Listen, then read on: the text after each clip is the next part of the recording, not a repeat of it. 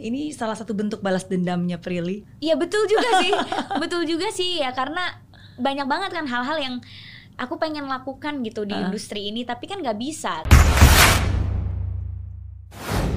Prilly Latukonsina. Yeay, ketemu lagi. Akhirnya kita ketemu lagi ya. Iya. Seneng banget. Seneng banget. Terakhir kali ketemu, wah sebenarnya kita udah beberapa kali ketemu di Iya. event. Waktu itu juga sempat mampir ke podcast. Hmm. Dan setiap kali pertemuan itu selalu ada aja hal baru yang dikerjakan oleh seorang Prilly. Nggak pernah habis gitu energinya. Nggak bisa ya. diem. Jadi udah banyak nih, bukan cuma artis, tapi penyanyi juga, pemain film juga. uh, uh, pemilik klub sepak bola juga, ya kan? Terus apa lagi nih? Um, penulis buku, bukunya juga udah ada. Iya, sekarang ada production house juga. dan production house juga. Yeay. Gimana nih cara membagi waktu? Sulit, Hmm. sulit sekali sih membagi waktu. Eh, pastinya ada yang dikorbankan, Mhm. tapi itu adalah konsekuensi yang aku harus hadapi kan. Yang yang dikorban yang dikorbankan pada saat ini adalah waktu me time. Hmm. Jadinya me time-nya berkurang, nggak ada waktu main sama waktu tidurnya lebih sempit sedikit.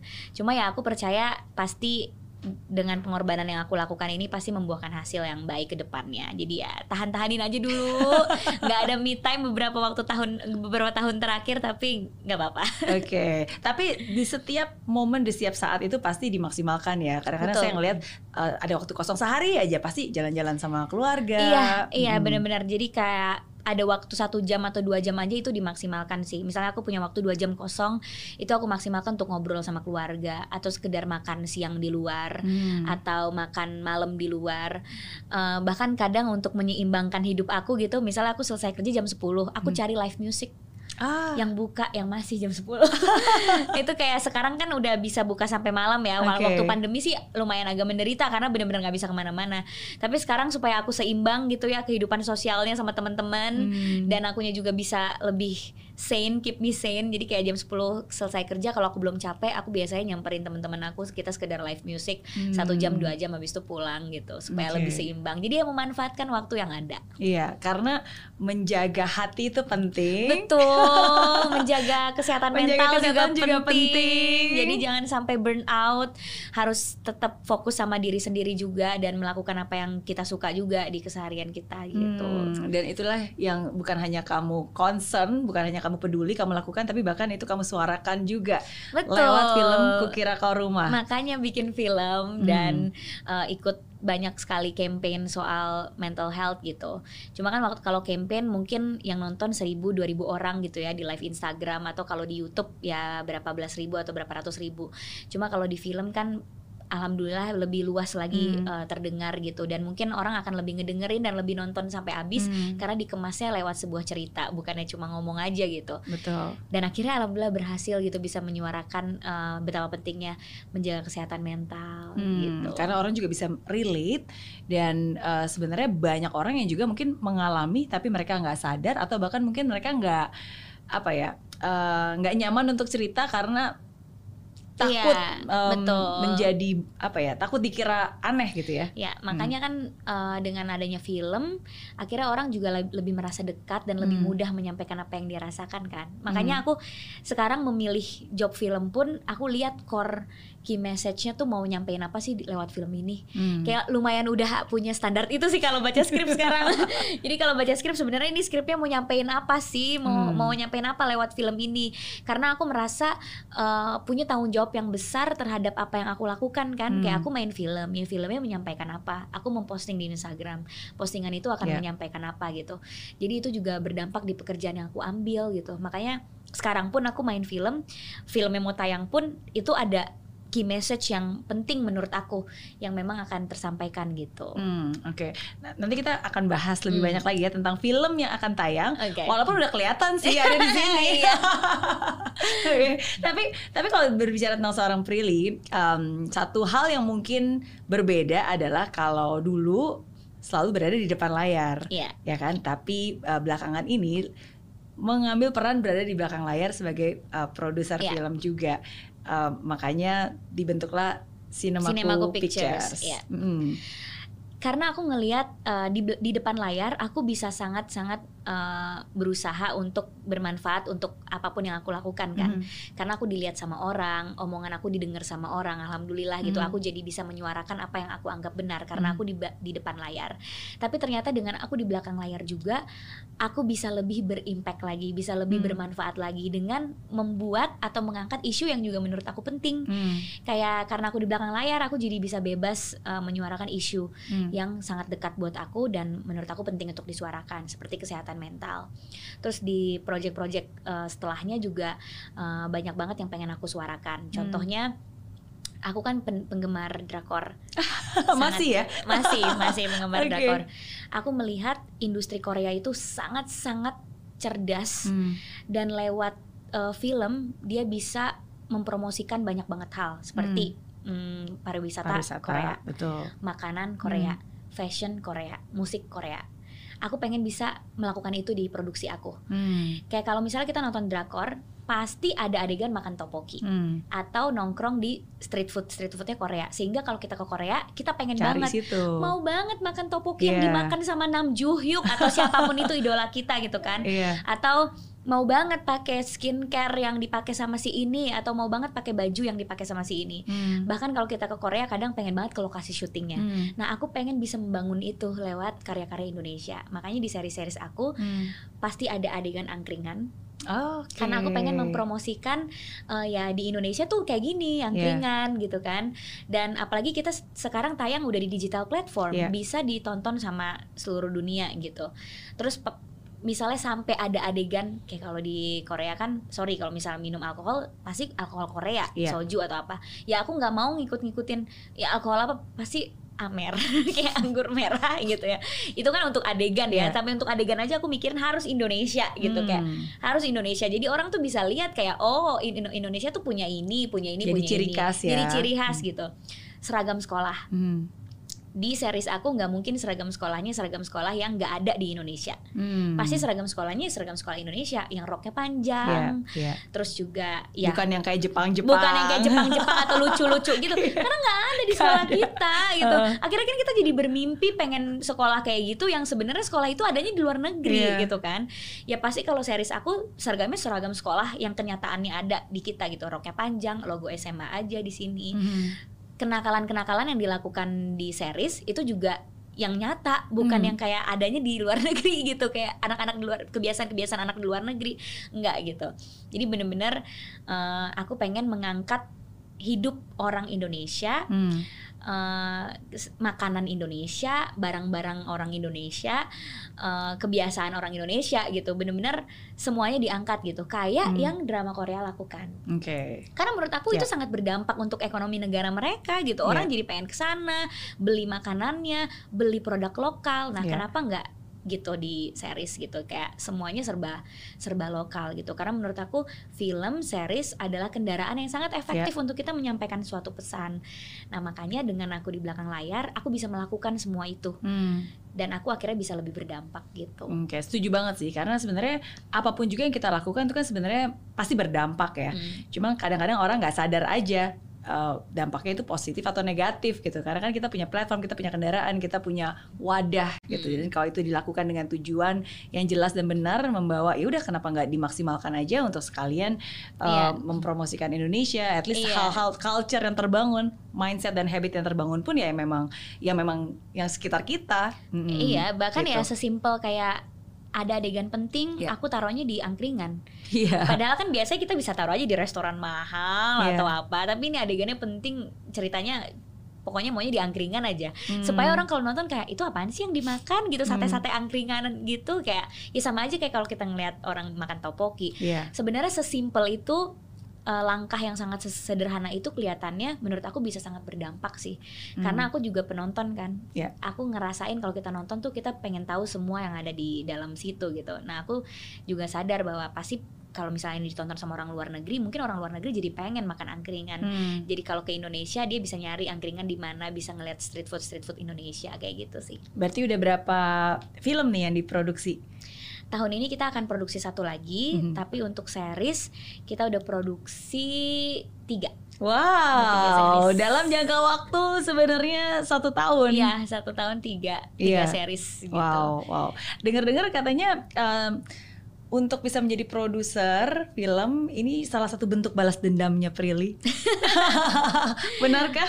Iya betul juga sih, betul juga sih ya karena banyak banget kan hal-hal yang aku pengen lakukan gitu di Uh. industri ini tapi kan nggak bisa karena aku cuma di depan layar aku dibayar untuk acting Iya. aja gitu untuk sebagai aktor I cannot do anything else Hmm. gitu tapi sebagai produser kan aku benar-benar bisa mem- membangun satu proses yang Hmm. menurut aku ini penting banget loh untuk kita lakuin gitu. Misalnya kayak mengangkat Indonesia atau memilih talent-talent yang memang punya talenta di acting bukan hanya berdasarkan followers aja. Hmm. Jadi waktu aku uh, produserin film, aku memilih semua aktornya itu bukan karena followersnya tapi karena memang punya talenta yang bagus banget di acting. Hmm. Sebagai produser pasti sering dong mendengar kata-kata kayak, "Kok lu milih dia sih kan dia nggak ada followersnya." Iya, karena kan Banyak banget. kesuksesan film kan biasa dilihat dari penontonnya dan cara untuk bisa menarik penonton ya udah pakai aja memang udah banyak followernya Iya gitu banyak kan. banget. Tapi Hmm. menurut aku sistem seperti itu nggak adil banget Hmm. untuk orang-orang yang sebenarnya mendedikasikan hatinya, energinya untuk acting, untuk belajar acting, tapi dia belum punya kesempatan untuk dilihat sama banyak orang. Hmm. Kan untuk punya banyak followers dia harus do something dulu dong, Ya. Baru bisa banyak followers. Tapi kalau dia nggak dikasih kesempatan untuk do something karena Hmm. dia belum bis, belum banyak followers, kapan dia dapat kesempatan itu? Ya. Ya aku sebagai produser aku mau membuka kesempatan selebar-lebarnya untuk orang-orang yang memang mendedikasikan hatinya untuk bekerja as an actor Hmm. yang benar-benar dia ikutin kelas-kelas acting, benar-benar dia belajar nggak mementingkan followers dulu gitu, tapi talentanya dulu nih dia Ya. asah gitu. Aku pengen kasih kesempatan untuk orang-orang seperti itu sehingga mereka nggak akan merasa kecil kalau followersnya nggak banyak, Hmm. tapi mereka masih tetap bisa kok punya karir di dunia entertainment dan aku senang banget kalau PH aku akan menjadi batu loncatan untuk para Hmm. calon bintang itu gitu. Oke, amin, amin. Amin. Kalau menurut Prilly sendiri, eh, apa satu hal yang paling penting yang harus dimiliki untuk seseorang yang ingin menjadi public figure seperti itu? Maksudnya kan banyak orang pengen banget nih jadi artis, pengen, Iya. pengen banget jadi main film gitu. Hmm. Walaupun mereka punya talenta, tapi kan kita semua tahu talenta itu ketika tiba-tiba dia sudah jadi banyak followers, punya Iya. platform dan jadi terkenal. Kalau mindset dan attitude-nya belum di Iya. sana, itu kan juga bakalan ya cuma sementara aja. Betul. Uh, so, what do you think is the most important thing yang harus dimiliki untuk bisa menjadi seperti seorang Prilly? ada empat sih sebenarnya. Oh, ada empat, Iya, oke. Ini tuh selalu aku kasih tahu ke semua orang kayak you need to have this four. Oke. Kayak pertama passion, kayak Hmm. tentuin dulu passionnya tuh apa gitu. Sehingga kalau kita udah ditentu tentuin passionnya apa, kita akan melakukan apa yang kita suka dan Hmm. sesuai sama passion kita itu pasti akan lebih kita akan lebih gigih lagi kan. Hmm. Terus persistence Hmm. kayak benar-benar harus persistence melakukan semuanya gitu jangan tiba-tiba di tengah jalan menghadapi suatu tantangan terus nyerah habis itu ganti goals Ya. ganti goals ganti goal karena itu yang sering di mention sama orang-orang di generasi Gen Z kayak Gen Z tuh sering banget ga- gonta-ganti tujuan karena nggak bisa konsisten sama apa yang mereka lakukan gitu atau nggak bisa bekerja di bawah tekanan gitu Hmm. soalnya teman aku juga lumayan Butuh healing. butuh healing. Soalnya temen aku juga curhat kayak, aduh agak susah ya kalau nge-hire yang yang umurnya segini karena Iya. mereka nggak bisa kerja di bawah tekanan. Kalau misalnya ada tantangan sedikit langsung mau resign. Iya. Nah, menurut aku itu yang harus kita hilangkan nih. Kita harus persistence Hmm. banget, harus gigih sama apa yang pengen kita capai. Kalau di tengah-tengah ada tantangan ya hadapin, Hmm. bukannya dihindari atau cari goals yang lebih mudah atau Iya. yang baru untuk menghindari tantangan tersebut. Karena tantangan tuh udah pasti ada. Terus passion, Hmm. Eh, bener-bener harus sabar Hmm. kayak nggak harus hari ini semuanya terjadi gitu Hmm. kayak misal udah usaha selama sebulan kok nggak ada hasilnya ya ya mungkin uh, usaha sebulan itu hasilnya akan ada tahun depan Iya. atau dua tahun lagi cuma aku percaya nggak ada usaha yang sia-sia sih Hmm. kayak mungkin udah berusaha lima tahun kok nggak ada hasilnya. Ya mungkin tuh hasilnya nanti lima tahun Iya. lagi gitu. Cuma pasti usaha ini nggak akan percuma gitu. Terus yang terakhir sih pray. Jadi you you need to Hmm. have faith juga gitu. Bener-bener di saat udah ngelakuin semuanya let God do the rest. Jadi bisa jadi orang yang ikhlas kalau Ya. belum mencapai apa yang dia mau atau apa yang dia tuju gitu. Jadi bisa kerja ikhlas juga. Jangan yang kayak patah hati terus nyerah terus menyalahkan keadaan gitu. Nah harus punya empat itu Iya. sih cuma untuk punya empat ini juga susah. Nggak bisa kayak langsung kita miliki gitu. Pasti perlu perjalanan yang panjang gitu. Aku juga ngerasa aku punya empat ini setelah aku bener-bener melewati banyak tantangan dan kegagalan juga Hmm. gitu Setelah proses yang panjang, iya persisten, tangguh, Mm-mm. uh, kesabaran juga, ya karena aku ngikutin Prilly juga memang prosesnya dari zaman dulu banget ya masih uh, GGS kayaknya ya. Hmm, Itu tahun berapa tuh berarti? 2014 Sebelumnya juga udah udah dong ya Iya berarti ya. sebelumnya juga udah Iya. kayak dari umur 13 Aku juga mengalami kok yang namanya passionnya kok berubah-berubah Iya. gitu Tadinya mau ini tapi tadi mau ini Dan itu wajar banget sih Wajar. punya punya kayak gitu Punya perasaan itu Karena itu uh, salah satu proses kita juga untuk nyari tahu Hmm. apa sih sebenarnya yang kita mau Apa sih sebenarnya potensi yang pengen kita gali Jadi ya nggak apa-apa juga kalau misalnya ada di proses di mana kayak Gue belum tahu passion gue Iya. apa nggak tahu potensi gue apa nggak apa-apa Kayak dicari aja terus sampai menemukan yang kayak you can actually do it for the rest of your life gitu. Betul, itu setuju banget karena kalau aku sendiri menemukan passion dan, baru tahu baru sadar tentang yang namanya passion aja itu sebenarnya di usia 26 tahun. Iya, 26 iya. 27 tahun bahkan setelah sudah berhasil gitu baru Oh ternyata ini. ternyata gitu kan. Jadi ya uh, that's when I found out that maksudnya hidup itu bukan cuma uh, tentang achievement tapi tentang fulfillment. Nah, untuk mendapatkan fulfillment seperti apa sih barulah akhirnya kenal oh ada yang namanya passion. Iya, oh, iya, baru iya. tahu talentnya apa ya, baru melakukan yaitu um, apa self awareness dan dan find out more Mm-mm. gitu. Jadi kalau misalnya di awal-awal apalagi masih muda baru lulus kuliah, terus udah bilang yakin banget ini passion saya gitu. saya bilang Belum tentu belum, juga, belum tentu. belum tentu. You haven't seen the world, kamu belum mencoba banyak hal. Iya ya kan? benar. Dan makanya jangan menutup juga kesempatan sih. Kayak Iya. misalnya dulu aku tuh pokoknya aku cuma pengen jadi Iya. guru atau jadi dokter sampai aku hampir menutup kesempatan aku untuk berkarir di Betul. industri entertainment gitu karena nggak mau ah apaan sih industri entertainment aku nggak mau jadi artis mah aku yang nggak pengen ngomong gitu aku tuh mau jadi guru atau nggak jadi dokter aku gitu. Hmm. aku tuh jauh banget jadi art dari artis tuh jauh banget I don't have the capability gitu Yeah. of doing that tapi mama aku yang kayak belum tentu kamu kan belum coba Yeah. coba dulu akhirnya mama aku yang masukin aku ke uh, art courses aku Yeah. situ belajar nyanyi belajar uh, nge-host dan belajar acting gitu-gitu sampai akhirnya aku coba kerja di dunia entertainment baru kayak hmm kayaknya aku punya potensi di sini gitu Yeah. jadi sebenarnya potensi itu bisa dicari dan bisa digali Betul. kayak jadi jangan pernah kayak berkecil hati kayak kayak gue nggak punya potensi di situ Hmm. deh I'm not good enough enggak sebenarnya itu bisa dilakukan dan bisa diusahakan Iya, makanya kekurangan terbesar seseorang adalah ketika dia nggak tahu apa kelebihannya. yes that's Dan untuk tahu kelebihan ya berarti ya harus, Harus terus berani explore. berani explore Mm-mm. Hmm. Tapi itu setuju banget sih, karena banyak orang mungkin kalau ngomongin tentang uh, passion ya, apalagi Hmm. tadi kan Prilly bilang P yang pertama adalah passion. Mungkin banyak orang akhirnya mengkotak-kotakan passion dengan pekerjaan, padahal sebenarnya passion itu kan bukan sekedar hanya profesi tertentu Betul. aja. Hmm, Mm. Tapi kan uh, apa sih yang sebenarnya uh, yang menjadi sesuatu yang bisa memberikan spark gitu Yeah. di hidup kamu gitu. Dan kalau misalnya itu sampai nyambung ke kerjaan bagus banget. Tapi Yeah. kalau misalnya enggak, you can actually something else yang emang sesuai gitu. Hmm, Dan, dan itu satu hal yang aku selalu salut sama Prilly sih. Bagaimana kamu bisa konsisten, tahu ini yang kamu bisa dan kamu suka, and then you do excellently well in that area. Tapi at the same time kamu juga mau mengeksplor, mencoba hal-hal yang baru. Di mana ya sebenarnya kan fokus aja di sini juga udah beres kan, Iya, iya. make it even more, even better gitu kan. Tapi kan ketika kamu mau mencoba hal yang baru yang bahkan kelihatan kontradik, tapi justru di situlah kamu bisa menemukan hal yang baru yang bisa kamu salurkan juga. Iya, Iya. hal baru juga sih. Tapi memang benar tetap tetap harus uh, benar-benar do yang the best dulu di apa yang kita punya. Karena itu tadi kita fokus dulu ke kelebihan kita kan, kayak benar-benar fokus dulu sama apa yang kita suka dan kita udah benar-benar melakukan yang paling full. Hmm. Abis itu di saat kita tahu kita butuh explore lebih lagi, jadi yang ini udah udah kita Iya. lakukan dengan secara baik. Terus baru kita uh, explore lagi. Dan goalsnya apa sih? Orang kan suka nanya kayak goalsnya apa sih? Udah ngelakuin ini terus ngelakuin ini lagi, Iya. ngelakuin ini lagi.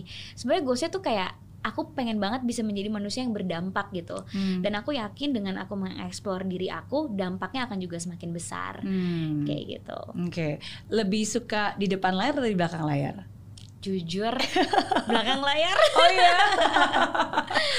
aku sangat enjoy di belakang layar bener-bener dari nol membuat project itu melahirkan project itu gitu kayak Oke. misalnya uh, ya kayak dari skenario gitu kan kita benar-benar menentukan apa yang pengen kita katakan apa yang Hmm. pengen publik tuh uh, tahu gitu atau aku bisa put dialog-dialog yang aku rasa orang tuh sebenarnya banyak yang pengen ngomong ini Hmm. tapi mereka nggak punya kesempatan untuk ngomong ini yuk kita omongin di dialog si karakter ini Oke. dan itu seru banget uh, buat aku gitu aku bisa bener-bener menyampaikan apa yang pengen aku rasakan lewat cerita lewat film gitu Hmm. itu aku suka banget sih terus pemilihan aktornya juga aku bisa kasih kesempatan ke aktor-aktor yang selama Iya. ini nggak dipercaya jadi peran utama kayak aktor yang aku pilih tuh yang nggak pernah dapat peran utama pertama kali dapat peran utama di PH aku Hmm. karena aku kayak ya ampun ini sebenarnya dia punya potensi cuma pasti kenapa ya nggak ditaruh di peran utama balik lagi mungkin karena followersnya Iya. kurang banyak ya udah aku jadiin dia peran utama di PH aku terus aku bikin series kemarin eh, kebanyakan orang tuh kan stereotype sama eh, beauty standard cewek Iya. cantik tuh harusnya kayak gimana pasti peran utama itu harus rambutnya panjang eh, harus tinggi kurus cantik luar biasa gitu pasti Iya. peran utama harus kayak gitu kan Ah.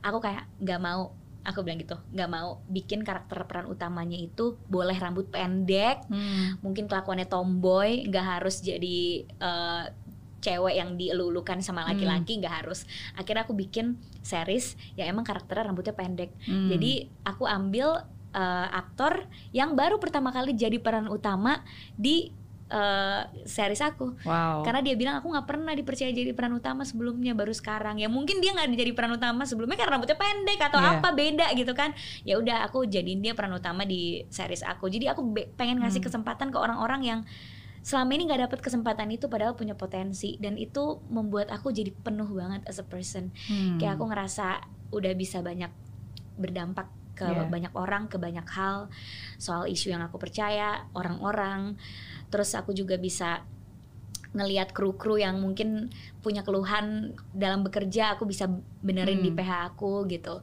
kayak kru-kru yang kerja di PH aku tuh eh, aku bikinin BPJS aku urusin BPJS-nya supaya mereka punya jaminan kesehatan di saat kerja terus eh, masalah makanan aja aku Yeah. bisa punya kontrol terhadap itu gitu kayak hmm kayaknya untuk di PH aku aku pengen makanannya bener-bener sehat bukan sehat sih tapi kayak bergizi bergizi, bergizi. kayak ya. bener-bener ada karbo ada ngasal gitu ya. nggak ngasal asal Iya. nasi box aja kasih ke kru Karena kan mereka kerjanya juga long hour Iya, kan. karena mereka juga capek Iya. gitu. Jadi kita harus kasih mereka makanan yang enak. Jadi sampai makanan aja tuh aku bisa kontrol kan, cemilan dan semuanya. Habis itu aku juga decrease the usage of plastic. Hmm. Jadi semua yang kerja aku bikinin tumbler. Oh, Ya, wow. jadi udah nggak ada Sampai botol, segitunya udah nggak ada botol ini lagi. Jadi kayak Iya.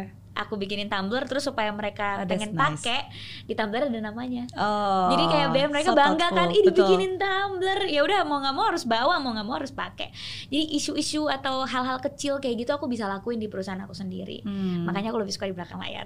Oke, Oh, tapi that's that's very true sih. Karena kan setiap saat hidup kita ketika kita berada berhasil berada di satu titik sekarang nih, karena kan mungkin dulu pernah ada orang yang memberikan kita kesempatan, ada orang yang memberikan kita kepercayaan Betul. gitu. Dan ketika kita sekarang bisa Memberikan, memberikan itu, kepercayaan dan kesempatan dan meneruskan hal itu, ya saya yakin senang banget. bukan hanya seneng banget tapi itu suatu hal yang uh, saya percaya bukan hanya kita membantu mereka tapi sebenarnya itu juga suatu saat akan kembali lagi walaupun kita nggak mengharapkan tapi ya um, hukum alam Iya. seperti itu Iya, betul Mm-mm. banget sih. Aku ngerasa kayak apa pun yang aku lakukan buat orang lain itu sebenarnya bukan buat orang lain doang, tapi Iya. it's also buat diri aku sendiri juga. Iya, Gitu. iya. Oh, so nice. Iya. Em, tadi kamu sempat bilang waktu mimpi kecil jadi pengen jadi guru, pengen jadi dokter, Hmm. iya. Tapi kan sebenarnya salah satu mimpi ini udah terwujud nih. Dengar-dengar kemarin jadi guru juga. Iya sih. Akhirnya aku bisa mewujudkan mimpi aku yang itu. Aku seneng banget. Heeh. Sampai pas aku dimintain data untuk menerima gaji pertama, itu rasanya kayak rasanya kayak jatuh Iya. cinta kayak ah, gitu kayak seneng banget terima nerima gaji jadi dosen gitu. Ceritain dong, ceritain. Jadi kamu ngajar apa jadi dosen dan kenapa mau Iya. meluangkan waktu untuk ngajar? Jadi Hmm. ada program di Kemendikbud gitu di mana praktisi itu bisa mengajar. Mm-mm. Jadinya aku daftar di program itu sebagai dosen praktisi kan. Terus aku kasih tahu konsentrasi aku maunya di mana. Nah, karena S1 aku itu komunikasi khususnya di public relation, jadinya aku ngajar uh, public relation dan mar- marketing, strategi Hmm. pemasaran. Terus uh, diterima, diterima, terus akhirnya aku bisa ngajar untuk awal-awal aku ngajar online dulu, Hmm. tapi aku juga udah registrasi untuk offline. Oke. Nah untuk online aku bikin materinya kan sendiri. Jadi benar-benar aku uh, memaparkan teori yang menurut aku sangat bisa di-apply di dunia nyata dan Hmm. sesuai sama apa yang aku lakukan. Aku kasih teorinya, terus aku kasih case study sesuai dengan pengalaman aku. Hmm. Itu rasanya rasanya suka banget aku bisa yang kayak beneran kasih tahu buka strategi yang aku lakukan sekarang Yeah. gitu. Bahkan aku buka strategi production house aku. This is the way I promote my first movie. Oke. And this is the way I promote uh, my product gitu. Cara baca marketnya gini, cara menentukan budgetnya gini, Iya. cara baca situasi uh, pasar kayak gini. Aku seneng banget gitu mereka bisa belajar dari apa yang aku lakukan. Hmm. Terus yang bikin senengnya uh, aku kan tadinya pas hari itu nggak mau ngasih mereka tugas karena aku tahu yang ikut tuh pasti mahasiswa yang juga punya kegiatan banyak kan. Iya. Terus aku udah bilang, aku saya nggak usah kasih tugas ya, saya sebenarnya eh, nggak usah kasih tugas nggak apa-apa gitu. Terus dia kayak mau tugas dong bu, mau tugas, please kasih kita tugas. Terus di kolom chatnya kayak banyak banget mau tugas, mau tugas, mau tugas. Yang akhirnya aku ak- ngasih mereka tugas dan aku bikin email khusus untuk meriksain tugas-tugas mereka. Wow. Jadi minggu ini aku harus konsentrasi ngecekin tugas mereka dan harus aku balesin satu-satu. Tapi itu sangat menyenangkan sih. Terus udah ada beberapa email yang aku baca kan. Pas mereka ngerjain tugasnya dengan benar, ternyata rasa happy-nya itu happy Iya. banget. Makanya pantesan dosen tuh seneng banget sama mahasiswa yang nilainya bagus ya. Karena ngerasa ilmu yang disampaikan tuh terserap dengan baik Betul, gitu. dimengerti, dipraktekkan dan tersalurkan. Eh, eh, makanya aku seneng banget ih pinter nih yang ini ngerjain tugasnya dan itu aku jadi seneng banget makanya aku kayak pantas dosen tuh suka sebel misalnya sama mahasiswa yang males karena mereka Hmm. ngerasa oh gimana nih ilmunya nggak terserap dengan baik gitu Hmm, dan berarti eh, itu juga mungkin salah satu hal yang bisa added value ya karena ketika di dalam dunia pendidikan ini bukan hanya ngajarin secara textbook tapi kan sebagai seorang praktisi kita bisa menjelaskan dan merelate gitu Iya. in the workplace ini loh eh, apa namanya Iya. aslinya tuh seperti ini Aslinya prakteknya seperti seperti ini, ini. Jadi- cara mem- apa, implementasikannya seperti ini Betul. Jadi Hmm. teorinya ini, tapi cara cara prakteknya kayak gini dan udah ada buktinya kan, udah ada data yang bisa dilihat gitu. Udah ada hasil yang bisa uh, menjadi benchmark. Hmm. Jadi mereka juga jadi lebih ngerti, oh teori ini tuh kayak gini kalau kerja. Supaya mereka juga punya uh, benchmark dan punya kesiapan untuk ke lapangan kerja kan. Hmm. Berarti edukasi itu salah satu hal yang memang selalu ada di hati kamu ya. Betul. Ternyata cita-cita itu nggak cuma asal ngomong doang pas Iya. masih kecil ya. Ternyata ketika aku jalani, oh aku memang punya passion juga nih di bidang ini Iya. gitu. Dan sekarang dengar-dengar lagi sibuk mempersiapkan S2. Iya. Ini lumayan agak hektik banget sih. Cuma aku nggak tahu akan daftar tahun ini atau tahun depan, Mhm. tapi persiapan kan mesti tetap dari sekarang karena Betul. eh, ada beberapa dokumen yang harus aku selesaikan jadi ya lagi persiapan cuma nggak tahu bakalan tahun ini atau tahun depan gitu. Amin, amin, amin. Kita doakan. amin kita amin. doakan, kita Hmm. doakan. Em, kalau dari segi Prilly sendiri, tadi kan, oh, berarti ada eh, 4P ala Prilly, 5P Iya. berarti. Oke, Eh, salah satunya adalah persistence. Iya. Oke, nah kalau tadi berbicara tentang persistence, em, ada nggak sih saat-saat kan saya tahu, maksudnya Prilly itu sibuk banget banget banget ya kan, Hmm. bahkan sometimes kadang-kadang juga eh, jam terbangnya banyak, mungkin juga harus bisa jaga kesehatan. Ada nggak sih di saat-saat kamu merasa kayak eh, ya udahlah segini aja gitu, nggak usah terlalu ngoyo, segini aja deh gitu. Ada Hmm. ada banget kayak kayaknya udah cukup berdampak deh udah yang kayak gitu kan Iya. kayaknya aku udah lelah banget deh cuma aku tuh punya circle yang teman-teman teman-teman aku itu banyak kemiripan sifatnya sama Hmm. aku dan akhirnya di saat aku kayak gitu mereka yang nge-push aku untuk no you can actually do better jadinya kayak itulah pentingnya kita memilih lingkungan pertemanan ya jadi Iya. di saat kita udah mulai nyerah atau di saat kita udah merasa ah udah udah cepet puas Yeah. gitu circle kita ini yang membantu kita untuk no you can actually do better than this. Lo bisa lebih bermanfaat lagi dari ini. Kalau nggak bisa kita bisa bantuin. Nah itu sih yang membuat aku bersyukur gitu. Jadi di saat aku udah mulai kayak mungkin lebih tepatnya nyerah ya kayak Hmm. kayaknya udah terlalu capek banget deh udah terlalu capek banget melakukan ini semua. Kayaknya gue pengen nyerah gue pengen lepas yang ini pengen lepas yang ini tapi circle aku tuh selalu bisa memberikan aku semangat gitu kayak misalnya aku punya Umay di Cinemaku Pictures Hmm. mungkin di saat aku ngerasa kayaknya udah oke nih di sini Umay yang bisa kayak mengomentari dari segi kreatif enggak enggak enggak Hmm. ini bisa lebih baik dari ini lagi atau di saat aku kayaknya nggak usah S2 deh gitu tapi aku punya teman-teman yang em, udah masuk Harvard yang Hmm. udah yang sibuk tapi tetap S2 juga Iya. Hai Iman. hai hai Iman gitu. Jadi si Iman ini kan eh, aku tuh lagi main terus sama dia kan. Iya. Sebenarnya ketemu gara-gara circle pertemanan kita secara nggak sengaja sama. Heeh. Jadi aku main sama Vidi, Maudi, Putri, Iman, kita punya grup gitu. Jadi di saat aku lagi malas kayaknya nggak usah lanjut S2 kali ya. Tapi Iman gitu yang bisa kok masuk aja bisa kok bisa ambil program yang ini. Jadi walaupun lo sibuk lo bisa tetap kuliah gitu. Atau ngeliat Maudi yang kayak oh iya dia juga udah bisa lulus S2 nih. Oh jadi dia terpacu juga. Jadi Hmm. emang penting banget kita memilih circle pertemanan. Jadi di saat kita ngerasa ah udah ah, nggak mau ah udah jalanin hidup aja happy happy aja ngelihat circle pertemanan kita yang punya Iya. sifat sama sama kita punya persistensi sama tuh sama kita kita jadi terpacu untuk oke jadi lebih baik lagi terus didukung da- dapat support dari mereka juga Hmm. gitu jadi ya di saat aku kayak gitu teman-teman aku yang lain nyemangatin sih kayak enggak harus bisa harus bisa gitu Eh, atau di saat aku pengen apa gitu bisa kok ini kita bantu ya Iya. gini-gini jadi senang banget sih punya teman-teman dan circle pertemanan yang terus nge-support Iya. untuk kita bisa jadi lebih baik setiap harinya gitu. Hmm, Oke, dengan siapa kamu bergaul ya kamu akan menjadi seperti itu. Bener makanya penting banget tuh kita Iya. memilih teman apalagi eh, lebih dewasanya kita harus lebih dewasa lagi memilih circle pertemanan sih. Iya. Bukannya kita milih-milih teman, Betul. Ya kita bisa temenan sama siapa pun, baik sam- baik itu harus sama semua orang. Iya. Tapi untuk membuka diri kita dan eh, menjadikan teman kita itu acuan kita tuh harus pilih-pilih orang juga kan. Jangan Setuju. sampai kita mengacu dengan orang yang salah gitu. Betul, setuju. Jadi kita berteman dengan siapa pun, tapi kita bisa memilih untuk men-spend more time. Iya, waktu ya, kita untuk untuk dengan orang-orang yang dan memang mendengarkan tertentu. siapa. Dan mendengarkan siapa. Karena kan betul. kita butuh uh, mendengarkan pendapat orang lain kan. Iya. Kita harus pilih lah siapa yang uh, mau kita dengar dan siapa yang yang mau mendengarkan kita. Jadi choose your partner very wisely. Iya, iya. Karena yang menentukan kesuksesan kita tuh sering kali siapa yang jadi pembisikmu. Betul. Jadi sebenarnya yang selalu ngebisikin di kuping kamu tuh siapa? Ya Betul. kan? Karena apa yang dia bisikan itu yang sebenarnya sangat berpengaruh kepada Iya. setiap keputusan yang ada dalam hidup kita kan. apalagi kalau kita udah percaya sama teman kita Hmm. kan kalau teman kita bilang apa kadang kita suka ikutin aja makanya Iya. penting banget untuk aku semakin dewasa aku semakin memilih circle pertemanan kalau misalnya circle pertemanan ini bisa sangat bermanfaat untuk aku dan orang lain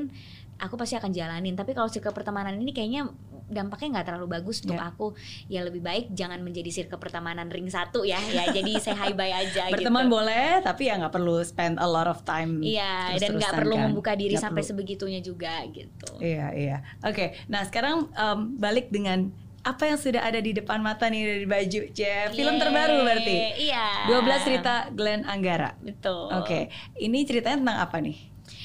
Ini tuh aku ceritain ya kenapa aku mau mau eh, film ini iya, gitu ya. saya kan tadi katanya udah milih-milih kan iya, sebenarnya. jadi pas aku dikasih skenario nya sebenarnya aku bukan satu-satunya orang yang produsernya tawarin. Hmm. Jadi ada lim- ada empat nama lainnya. Jadi ada lima kandidat. Cuma si produsernya bilang kalau kamu suka, I will put your name as one of the candidates. Hmm. Oh jadi saya belum dipilih belum. Oke gitu kan. Terus aku baca. Pas aku baca sampai ending, aku jatuh cinta banget sama pesan yang emang si film ini pengen eh, pengen sampaikan gitu. Mungkin baca awal-awal ketawa-ketawa, terus di tengah-tengah juga kayak hmm oke kayak udah pernah melihat model film kayak gini gitu sampai di ending aku nangis terus aku akhirnya eh, tarik gitu ya apa sih key message yang pengen disampaikan di film ini Hmm. dan akhirnya merubah merubah hidup aku juga Hmm. sih kayak merubah cara aku berpikir juga jadi ini kan cerita tentang Shena orang yang punya mimpi udah tahu mau ngapain tapi di tengah-tengah perjalanan dia dia harus menerima kenyataan kalau dia gagal ginjal Hmm. nah akhirnya dia harus lebih fokus ke kesehatannya dan lebih fokus ke ibunya karena Hmm. ibunya juga ditinggal meninggal sama sama papa sama papahnya dia gitu yang akhirnya ekonominya jadi menurun. Hmm. Jadi instead of focusing on ha- daripada fokus on uh, her dream doang yang pengen sekolah di Jerman, Hmm. pengen sekolah ini itu, akhirnya harus harus bergeser nih fokusnya ke kesehatan dia dan ibunya. Yang akhirnya dia ngerasa kayak ah udah nggak berarti lagi nih hidup kayak gue udah nggak bisa sekolah di Jerman nggak mungkin bisa dibiayain abis buat cuci darah biayanya dan segala macam gitu dia melihat dunia ini jadi lebih pahit lah Iya.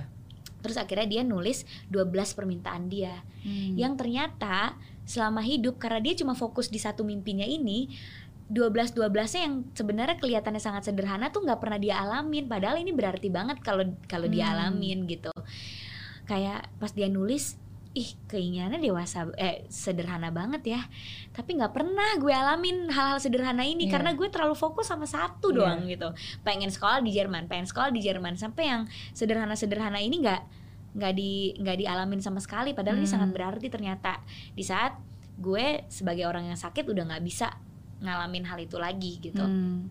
akhirnya aku akhirnya dia ketemu sama Glenn Anggara untuk mengabulkan permintaan dia yang akhirnya setiap keinginan itu membawa cerita ke hidupnya Glenn juga Oh. gitu dan di film ini aku jadi belajar banget bahwa apa yang kita anggap sederhana ketika itu udah diambil sama Tuhan Iya. value-nya jadi langsung naik banget dan itu jadi hal yang sangat berharga. So ngajarin aku untuk boleh boleh punya mimpi setinggi langit tapi jangan lupa sama hal-hal sederhana Iya. yang udah Tuhan kasih. Jadi tetap itu disyukuri juga gitu. Hmm. Hal-hal sederhana kayak misalnya punya satu jam ngobrol sama keluarga Iya. itu sederhana banget kan tapi kalau satu jam itu diambil sama Tuhan dan kita nggak bisa ngelakuin itu lagi itu jadi hal yang bisa kita sesali seumur hidup gitu Hmm. atau bisa makan enak pas kayak Shena gitu pas udah kena gagal ginjal dia nggak bisa makan makanan yang dianggap selama ini biasa aja gitu. Hmm. cuma sekedar makan tahu tempe nggak bisa aja itu udah kayak hah pengen banget ngerasain makan masakan rumah tapi udah nggak bisa sembarangan lagi kalau makan cuma bisa Iya. makan ini. Dan itu yang akhirnya ngerubah hidup aku juga. Aku jadi lebih bersyukur. Kayak biasanya aku suka nggak ngabisin makanan. Sekarang aku kayak inget Shena nih dia nggak bisa makan ini gitu kayak Shena Shena di luar sana yang Iya. mungkin sedang mengalami apa yang Shena alami gitu harus cuci darah harus menerima kenyataan gagal ginjal nggak bisa makan makanan aku jadi Hmm. sebisa mungkin aku habisin kalau aku nggak sanggup aku take away kasih orang di rumah yang penting ada yang makan Hmm. jadi hal-hal kecil itu aja berubah di hidup aku karena main film ini gitu Iya, iya. Dan em, ada beberapa persamaan juga antara karakter Shena dengan yang kamu rasakan dalam hidup kamu iya, ya. kayak aku punya kayak aku punya mimpi, kadang cuma fokus di mimpi itu, tapi Iya. hal sederhana tuh aku lupa. Padahal itu juga harus disyukuri loh, gitu Iya. kayak sekedar bisa makan, sekedar bisa ngobrol sama orang tua. Hal-hal kecil kayak Iya. gitu itu atau sekedar bersenang-senang ternyata bersenang-senang tuh juga penting banget karena di saat kita nggak bisa senang-senang lagi ya hidup juga nggak ada Useless, nggak ada useless meaningnya. ada meaningnya Iya, iya. Ya jadi aku belajar banyak banget lewat film ini makanya pas Iya. aku baca skenario nya aku bener-bener langsung telepon produsernya aku kayak Pak I really want to be a part of this movie kayak kalau ada empat nama lainnya saya mau casting dulu deh biar Hmm. bapak lihat eh Shena versi aku gitu ntar tinggal bapak tentuin bapak suka Shena versi yang mana karena Hmm. pasti aktor-aktor lain juga memberikan yang terbaik Iya. untuk karakter ini kan akhirnya aku waktu itu minta di casting saking aku pengennya Wow. ya saking aku pengennya menjadi bagian dari film ini gitu dan akhirnya akhirnya tercapai main 12 cerita Glenn Anggara gitu Iya. dan eh, seneng banget karena proses syutingnya sangat baik terus juga ya senang banget sih aku memerankan karakter Shena ini sosok Hmm. yang sangat kuat sekali Hmm. cuma ada perbedaannya juga sih aku Apa sama Shena bedanya? Shena tuh kalau udah nemu masalah ngelihat dunia kan jadi kelam banget dia jadi bitter Hmm. jadi bitter sama orang lain gitu sampai dia ketemu Glenn yang akhirnya bisa ngebuat dia sadar kayak yuk nikmatin juga hal-hal yang Hmm. yang appreciate every Iya, little miracles in life ya. iya, kayak lo bisa jalan, bisa ngelihat ibu lo, bisa apa itu juga sesuatu yang harus disyukuri lo. Sedangkan kalau aku kadang menghadapi masalah tuh kayak komedi aja, ketawa aja kalau aku. Jadi itu bedanya aku sama Shena. Kalau Shena kan langsung bitter, kalau aku aku ketawain masalah hidup aku kayak hahaha. Makanya kadang orang tuh ngeliat aku kayak pernah sedih gak sih kok Hmm. ketawa mulu hidupnya tapi itu that's the way aku overcome my feeling Hmm. and my problem gitu. Karena kan apa kesedihan nggak perlu selalu diumbarkan dan Betul. diceritakan ke mana-mana kan. Betul, cukup di diri kita sendiri aja dan kita nangis marah pun gak ngerubah keadaan jadi lebih baik kita ketawain aja Tapi pernah sedih dong. sedih sedih pasti cuma tidak pernah depan orang Iya. even depan orang tua nggak pernah karena eh, pilihan hidup aku tuh kan aku yang milih aku pilih jalan hidup seperti ini secara sadar. Jadi apa pun kesedihan masalah dan resiko itu harusnya sudah aku mitigasi dari awal. Hmm. jadi kalau misalnya aku menemukan resiko itu yang membuat aku sedih ya telan aja. Hmm. kesedihannya rasain aja jangan dikomplainin atau dikeluhin depan orang tua. Hmm. pasti mereka akan kepikiran juga kan dan mereka kepikiran akan bikin aku tambah kepikiran. Jadi ya kalau aku tipe yang apa pun yang aku hadapi di hidup aku itu adalah pilihan aku jadi ditelan aja. Biasa suka diceritain nggak cerita kalau iya cerita ke siapa? Karena kan saya percaya bahwa itu nggak harus diceritakan ke semua orang betul. tapi kan harus dikeluarkan. Iya. tapi dikeluarkan kan ada caranya berbeda-beda atau mungkin ada dikeluarkan dalam konteks yang terbatas ya supaya itu nggak ke mana-mana. Mhm. Eh, ke ke sahabat sih Hmm. ke sahabat tapi itu juga pilih-pilih sahabatnya yang mana Hmm. dari circle yang mana makanya aku punya sahabat dari circle yang beda-beda aku punya sahabat yang dari circle yang bukan dunia entertainment Hmm. ada juga yang di dunia entertainment ada juga yang eh, bisa kasih aku perspektif lain lagi Iya. Nah, kalau misalnya masalah hidup aku lagi cocok di dicurhatinnya ke yang dunia entertainment ya aku curhatnya Hmm. cuma ke dia yang ini nggak tahu gitu walaupun sahabat aku juga Iya. atau misalnya aku punya masalah di bidang kayak pendidikan gitu ya aku cuma curhatnya ke circle yang emang ngerti Iya. atau masalah hidup lainnya yang ngerti jadi nggak semua sahabat Iya. aku tahu rahasia aku yang sama bisa jadi yang ini taunya yang ini doang yang ini taunya yang ini doang ya Oke. karena aku Iya. harus memilih pendengar yang Setuju. cocok sama sama masalah yang aku hadapi kan ya paling ke Setuju. mereka mereka itu gitu jadi mereka juga bisa menjadi pendengar yang baik Iya. dan memberikan solusi yang sesuai kayak Hmm, gitu ya karena kan tergantung kan kadang-kadang kan kita cerita ya tujuannya ya bukan hanya untuk cerita tapi kan ya bisa Ngasih- mendapatkan perspektif. Iya mendapatkan perspektif Hmm, juga percuma kan kalau aku Iya. ceritain yang masalahnya di dunia entertainment tapi ceritainnya ke teman aku yang Iya. nggak ngerti mereka juga nggak bisa kasih saran apa-apa gitu Iya, tapi aku uh, senang banget sih denger uh, cerita sin- sinopsisnya. Jadi penasaran pengen nonton cerita fullnya. Iya, harus Iya. deh nonton deh kayak walaupun eh, kayaknya berat banget gitu kan eh, filmnya. Tapi si eh, Pak Fajar Bustomi tuh bisa mengemas film ini tuh jadi lucu. Iya. Jadi kayak aku nonton rough cut editnya tuh awal-awal tuh ketawa-ketawa banget sama jokes-jokesnya. Terus juga pemilihan warna filmnya kan sangat colorful. Jadi kayak kita juga nggak yang nggak yang depresi gitu Sekarang nontonnya. nontonnya udah bisa ada dua sudut pandang nih sebagai seorang Se- sebagai pemain, dan, juga produser. Jadi biasanya kalau pemain cuma merhatiin ceritanya Iya. doang, sekarang sampai merhatiin artnya, pengambilan gambarnya tuh jadi diperhatiin. Terus aku sangat enjoy nonton film ini. Di, padahal baru rough edit gitu karena aku kan juga nggak terlalu suka film yang bikin aku depresi gitu Iya. ya. Karena jujur aja hidup hidup hidup itu udah sulit ya jadi pas nonton film tuh maunya terhibur gitu jadi pasti aku masukin unsur-unsur tuh kalau aku bikin film ada komedinya dia Iya, dikit iya. jadi kita tuh bisa nafas bisa ketawa nah di 12 cerita Glenn Anggara tuh gitu kayak Hmm. fi- aftertaste-nya tuh kayak makan dessert jadi benar-benar manis gitu tapi eh, It's a sweet ending dong. Em, Oh, no spoiler, ntar lihat. sweet ending tergantung siapa yang lihat. Oke, Bisa juga ini oke. bukan sweet ending. Jadi Oke. emang itu yang aku suka gitu. Iya. Ending film ini tuh membuka banyak perspektif tergantung orang mau lihat dari sisi mana. Tapi aku percaya banget nih bisa relate ke banyak orang sih karena kan ketika kita berada di di dunia di mana uh, ambisi itu penting, achievement itu penting dan it's very important for us to have a goal kan untuk punya Iya. target. Mm-mm. Kalau tadi dengar ceritanya kan Shena ini orang yang sangat tahu targetnya apa, punya tujuan gitu kan, pengen kuliah di Jerman dan seterusnya. Uh, menurut saya memang penting untuk kita punya target karena kadang-kadang orang ah kalau gitu nggak punya nggak perlu punya ekspektasi lah daripada kalau realitanya berbeda nanti kecewa gitu. Iya. Iya, saya bilang tetap harus punya ekspektasi, tetap harus punya target. Cuma kebanyakan orang itu mereka salah, salahnya adalah mereka hanya menaruh kebahagiaannya di garis finish. Betul. Ketika itu dapat berhasil baru Ba- baru bahagia. bahagia. Sedangkan dalam prosesnya aduh kayak menderita susah Hmm. gitu dan ketika berbeda aduh lebih menderita lagi.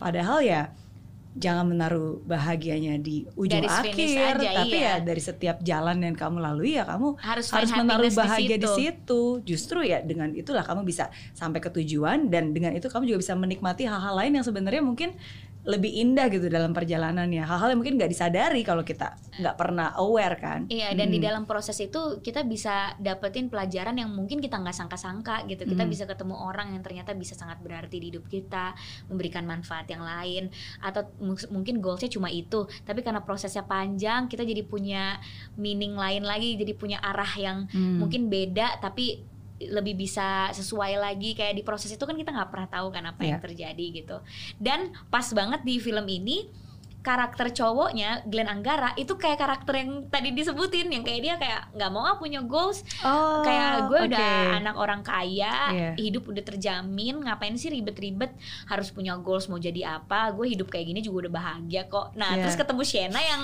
kontradiksi nih kayak kontradiktif banget kayak eh, loh kok Shenanya gini dianya gini ketemu deh jadi Iya. bisa dilihat proses gimana dua orang yang berbeda yang satu punya tujuan hidup yang satu nggak punya tujuan hidup hidup santai-santai aja terus ketemu gitu Hmm. jadi seru sih ngelihatnya kayak jadi yang punya sifat pengen happy go lucky aja bisa Ya, relate, betul. yang punya sifat kayak Shena bisa relate dan bisa belajar dari masing-masing cerita gitu. Hmm. Kalau dari Shina sendiri tadi kan cerita ada satu hal yang dia mau tapi harus dikorbankan karena uh, hal yang lain yang lebih penting. Kalau dalam hidup Prilly sendiri pernah nggak sih ada satu hal yang memang terpaksa dikorbankan demi hal yang lebih penting lagi?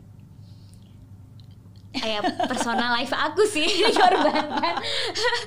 kayak eh sekarang aku bener-bener susah banget punya waktu untuk diri sendiri.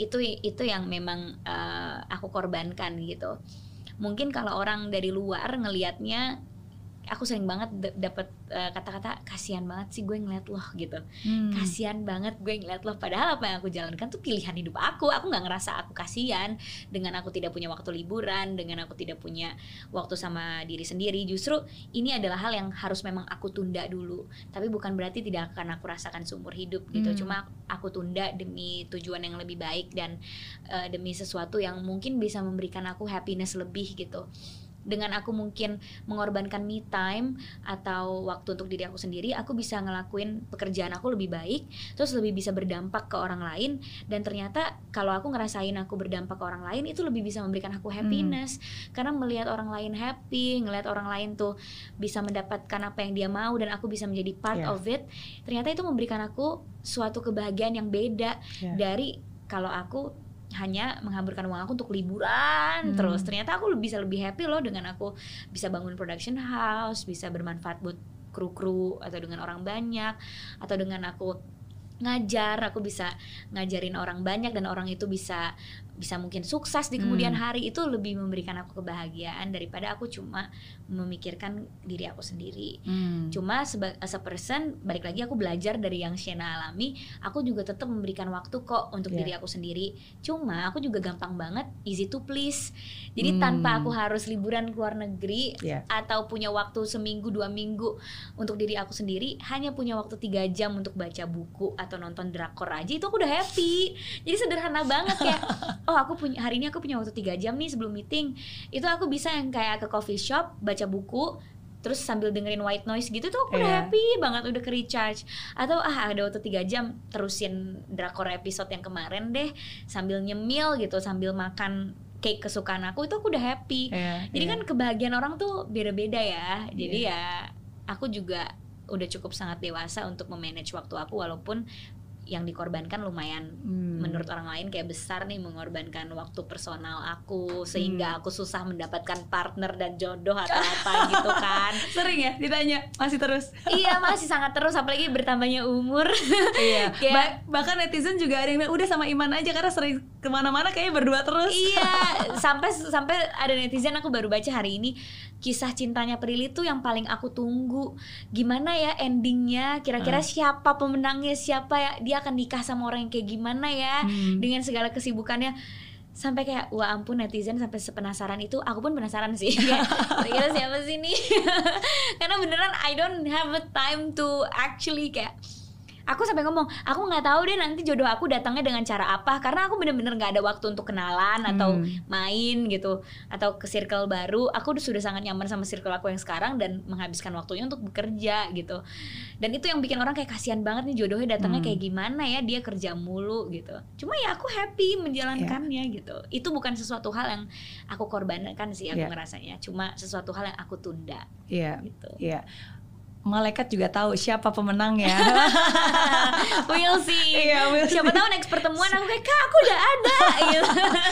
kan kayak mau di ya kan Oh, daripada iya. ini langsung sat set sat set Sat, sat, langsung. sat, sat, langsung ya, Iya, siapa daripada tahu. set set set set nangis nangis terus kan. iya iya mendingan satset satset aja ya Iya benar. Amin amin amin. Amin. Doakan yang terbaik selalu buat. Prilly. Filmnya kapan akan tampil, tayang? 18 Agustus Oke. di bioskop. Ini filmnya diapit sama dua genre yang lumayan menegangkan nih, kayak diapit sama film horor dan film thriller gitu. Ya, thriller juga. Jadi ini satu nyelip nih, Ya. romantik. Jadi ya mungkin bisa menjadi penyegar ya untuk kalian yang mungkin habis nonton film sebelumnya atau mempersiapkan diri mau nonton film setelahnya, nonton 12 cerita Glenn Anggara dulu untuk menjadi pemanis dan bisa ditonton semua umur juga. Jadi bisa ngajak adiknya, bisa ngajak orang tua, bisa ngajak semuanya gitu. Yes, pasti aku jadi orang yang juga pasti akan nonton. Terima kasih. Thank you sekali lagi buat Prilly Sama-sama. udah sharing udah berbagi. Eh, setiap kali ketemu Prilly tuh semangatnya nggak ada habisnya. Terima kasih. Aku juga seneng banget udah diundang di sini lagi. One of my favorite podcast sampai videonya masih suka kayak di tag-tag di Instagram Ah. aku. thank you, thank you so much ya. Nanti abis ini aku kasih buku spesial buat kamu. Yeay. Semoga bisa dibaca dan eh, aku tahu salah satu hal yang kamu suka juga adalah sebenarnya untuk eh, menjadi bahagia versi Prilly tuh sederhana ya. Ya nggak sih? Iya. Kayak kamu bilang bahkan sebenarnya dengan having a nice bath di bathtub gitu, dengerin dengan pasang lilin-lilin. itu udah bahagia Itu banget. kan udah bahagia ya. banget, iya kan? Bahagia banget. Jadi nggak harus yang aneh-aneh sih. Terus aku juga suka jajan. Ah, Jadi jadi aku suka banget kayak beli street food telur gulung gitu-gitu itu aku udah happy banget. Kayak kemarin aku udah bete terus fans aku kayak ngeliat aku lagi kecapean dia nyogok aku pakai telur gulung. Oh iya. terus dia beliin aku ah!